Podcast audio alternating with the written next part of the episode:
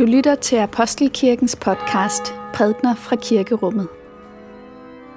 Find mere information på apostelkirken.dk.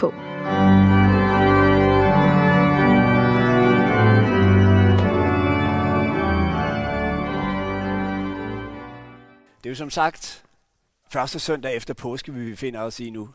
Og øhm, øhm, sådan rent kronologisk, så befinder vi os også godt en uge efter Jesu opstandelse i den tekst, vi nu skal læse. Disciplerne er kommet tilbage til Galilea, hvor de jo oprindeligt kommer fra.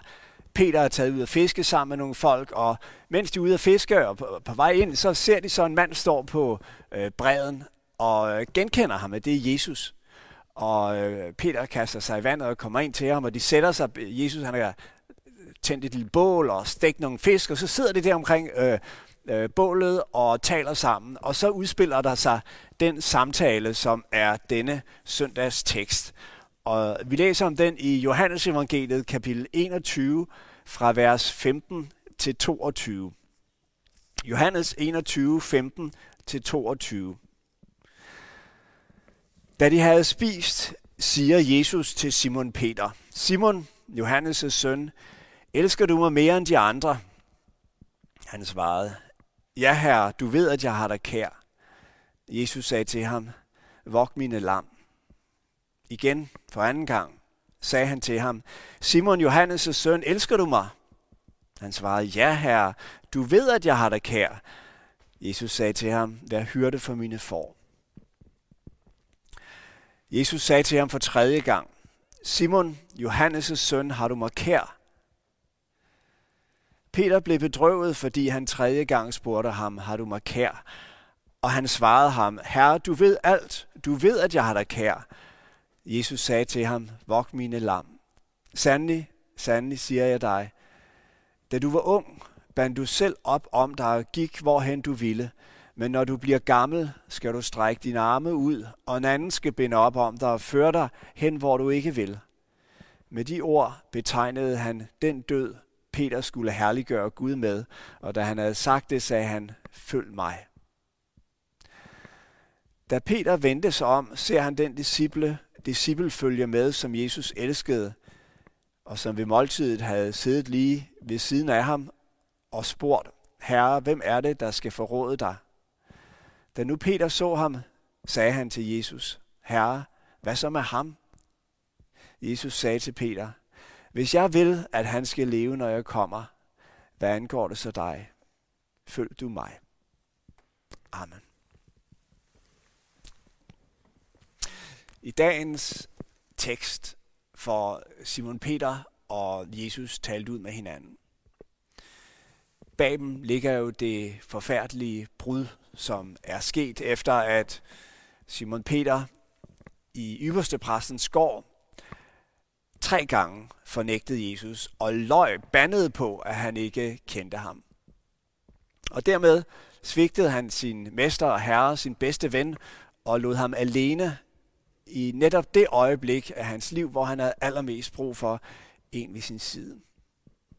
Og forud for den episode, ja, der går jo episoden med øh, den sidste nadver, hvor Jesus jo havde forudsagt, at alle hans disciple ville svigte ham, og Peter han havde markeret og sagt, nej, ikke mig. Det kan godt være, at alle de andre svigter. Jeg gør det ikke. Jeg er, jeg er villig til at gå i døden for dig. Så det er denne øh, tragiske historie om, om svigt og brud, som går forud for den samtale, som finder sted i dag. Man kan spørge sig selv, hvordan kunne det gå så galt for Peter? Men sagen er vel i virkeligheden, at det gik ikke så meget værre for Peter, end det gik for alle de andre disciple. De svigtede alle sammen, står der jo. Men det, som kendetegnede Peter, det var jo, at han var en modig mand, så han holdt sig ikke tilbage. Han gik ikke under radaren. Han fulgte med længere end de andre. Han kom helt ind i ypperste præstens gård, og derfor blev han også mere eksponeret end de andre. Men det var ikke bare mod. Det var også overmod fra Peters side. Eller hårdmod. For Peter havde et lidt nedladende blik på de andre disciple. Han kunne godt forestille sig, at de ville svigte. Han kunne ikke forestille sig, at han selv ville svigte. Og lige præcis den form for åndelig selvtillid var det, som førte til Peters øh, dybe fald. Og dagens beretning er historien om, hvordan den form for selvtillid, som Peter havde, gennem hans møde med den opstandende Kristus bliver til selvværd. Selvtillid, det har jo at gøre med den tillid, vi kan have til os selv, til at vi kan performe, til vores evner, vores, vores, vores øh, muligheder for at, at klare sin givende en given situation. Selvværd er noget andet. Det er en tillid til, at jeg er god nok, jeg er elsket, jeg har værd, også selvom det ikke lykkes mig at performe, som jeg gerne vil. Og det er den bevægelse, som vi skal øh, se i dagens tekst. Man siger, at en velfortalt historie ofte begynder med slutningen. Man ved det bare ikke før til sidst. Og sådan er det i høj grad med øh, beretningen om Simon Peter og Jesus. Det starter jo ved Genesarets sø. Peter har været ude at fiske. Han er ved at ordne garnene sammen med sin svigerfar, da Jesus kommer forbi og siger, følg mig. Og Peter rejser sig og følger ham. Og nu, tre år senere, hvor den her historie i en forstand når sin afslutning i forhold til den jordiske Jesus, ja, der sidder Peter endnu en gang ved øh, øh, strandbredden ved Genesaret sø øh, og øh, har en samtale med Jesus, efter at have været ude at fiske. Så det er som om, at der er en, øh, en, en, en ring, øh, der bliver sluttet her. Og mellem disse to øh, punkter, der har den historie så udfoldet sig. Historien om, hvordan Peter han øh, rejste sig, hvordan han dedikerede sig fuldstændig til Jesus Kristus. Det var det, han ville. Det var det, hans liv skulle handle om. Han så sig ikke tilbage. Han gik helt og fuldt ind for det her. Og han gik i spidsen.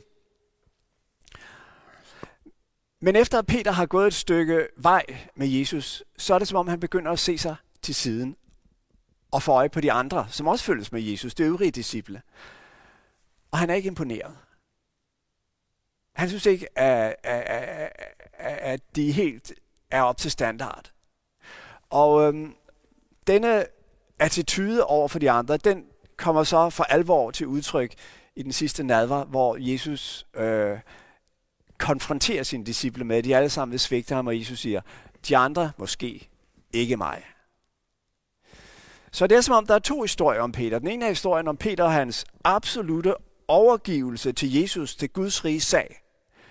Den anden historie er historien om Jesus og hans meddisciple, om den, øh, øh, hvad skal man sige, følelse af overlegenhed, som han til synligheden har gået og båret på i forhold til dem. På den ene side set var der intet andet Peter ville end at følge Jesus helt og fuldt, og på den anden side set var der også en anden skjult dagsorden, der handlede om, at jeg vil være nummer et og som udmyndte sig i sammenligning med de andre. Det var det, der var forhistorien til det brud, det fald, som går forud for dagens tekst. Jeg har her i coronatiden øh, haft tid til at læse den her bog. Alle vil jo bare elskes. Det er en meget øh, gribende, på mange måder øh, trist historie om Lars Irgens Petersen, som øh, fik livstidsdom for at have slået et menneske ihjel og smuglet øh, 13 ton hash fra Marokko til Danmark og, og en række andre betydelige forseelser. Da han blev indsat, blev han også diagnostiseret psykopat.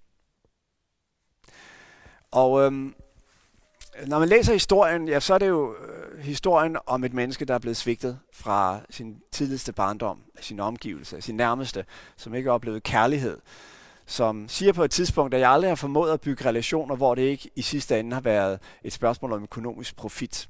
Hvordan kunne man gøre hinanden tjeneste? Hvordan kunne man få noget ud af hinanden i sidste ende økonomisk? Så det er en på mange måder trist historie. Og alligevel er der også en historie med øjeblikke af stor skønhed og stort håb. Og et af de øjeblikke, det er, da Lars Jørgens Petersen har, øh, er blevet taget af politiet og er blevet sat i varetægtsfængsel i, i Vestre, her i nabolaget. Og øh, efter, jeg tror, syv måneder i varetægtsfængsel, får han så lov til at komme til Københavns Politigård, hvor han skal mødes med sin kæreste. Og det er klart, det er ikke noget let møde, fordi han ved jo godt, at han har svigtet hende. Og at hun har god grund til at være vred på ham over alt det, som, hun har, som han har ført hende og øh, tre børn ud i øh, som konsekvens af hans øh, forbrydelse. Og han beskriver, hvordan de mødes, og hun er vred, og hun øh, forholder ham, hvad han har gjort, øh, og øh, lægger ikke fingrene imellem. Og mens de har den der vanskelige samtale med hinanden, så lægger han mærke til, at hun har fået en ny tatovering op på overarmen. Og han læner sig frem og ser efter, og ser, at det er hans navn, hun har fået indgraveret i sin hud. Og lige med et, øh, så forstår han, at der er en præmis for den samtale, de har nu, og den præmis er, at vi to, vi hører sammen.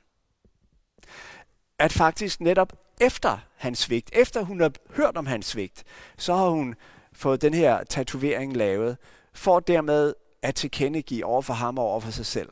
Jeg har stadigvæk, vi har stadig en historie sammen. Og jeg tror egentlig, det er sådan omtrent Peter må have oplevet det, da han havde den her samtale med Jesus på bredden af Genesrets sø. Og kunne se tilbage på svigtene, på den, øh, den frygt, den øh, manglende loyalitet over for sin herre og sin mester, måtte se den i øjnene og blive konfronteret med den, og samtidig kunne have bevidstheden om, at Jesus han siger de her ting til mig, fordi han blev såret for mig. Fordi at han ønsker, at vi to vi skal høre sammen fortsat. Det er tankevækkende, at øh, Jesu disciple efter Jesu opstandelse har svært ved at genkende ham, men de genkender ham på sårene. Sårene, som jo netop er udtryk for det, han øh, gik igennem for deres skyld. En velfortalt historie begynder meget ofte med slutningen. Man ved det bare ikke før til sidst. Sådan er det med historien om Simon Peter og Jesus. Sådan er det vel i virkeligheden med hele den store bibelhistorie. Det starter med beretningen om haven, eden, ikke også? Og så kommer hele den, øh, den, den store historie om, hvordan det gik galt, når menneskerne kom ud i verden og blev fremmed, og, og, og, og hvad Gud gør for at blive forenet med sine skaberværk igen. Og så slutter det øh, med beretningen i Johannes åbenbaring om den nye himmel og den nye jord, ikke også? I øh, livets træ, som står beskrevet på de første sider i Bibelen, de står også på den aller sidste side i Bibelen. Og på den måde er det i, ligesom i hele den store grundfortælling i Bibelen. Fortællingen begynder med afslutningen, men ved det bare ikke før til sidst. Og jeg tror i grunden, at det er sådan, det også er i vores liv som mennesker. Øhm, hvis man hører en, et eventyr, en stor historie om et menneske, der har bedrevet et eller andet stort ud i verden, ikke også? så er det ligesom om, at historien ikke rigtig er afsluttet, før det menneske er vendt tilbage igen til de omgivelser, han kom fra, som et forvandlet, et forandret, et fornyet menneske. Det er den bevægelse, som sker i dagens tekst, og det er virkelig den bevægelse, som, øh, som Jesus kalder os til. Det er det, som, som er, er, er troens bevægelse. Det handler ikke om, hvad vi kan udrette ude i den store verden. Det handler om, at vi kommer hjem igen.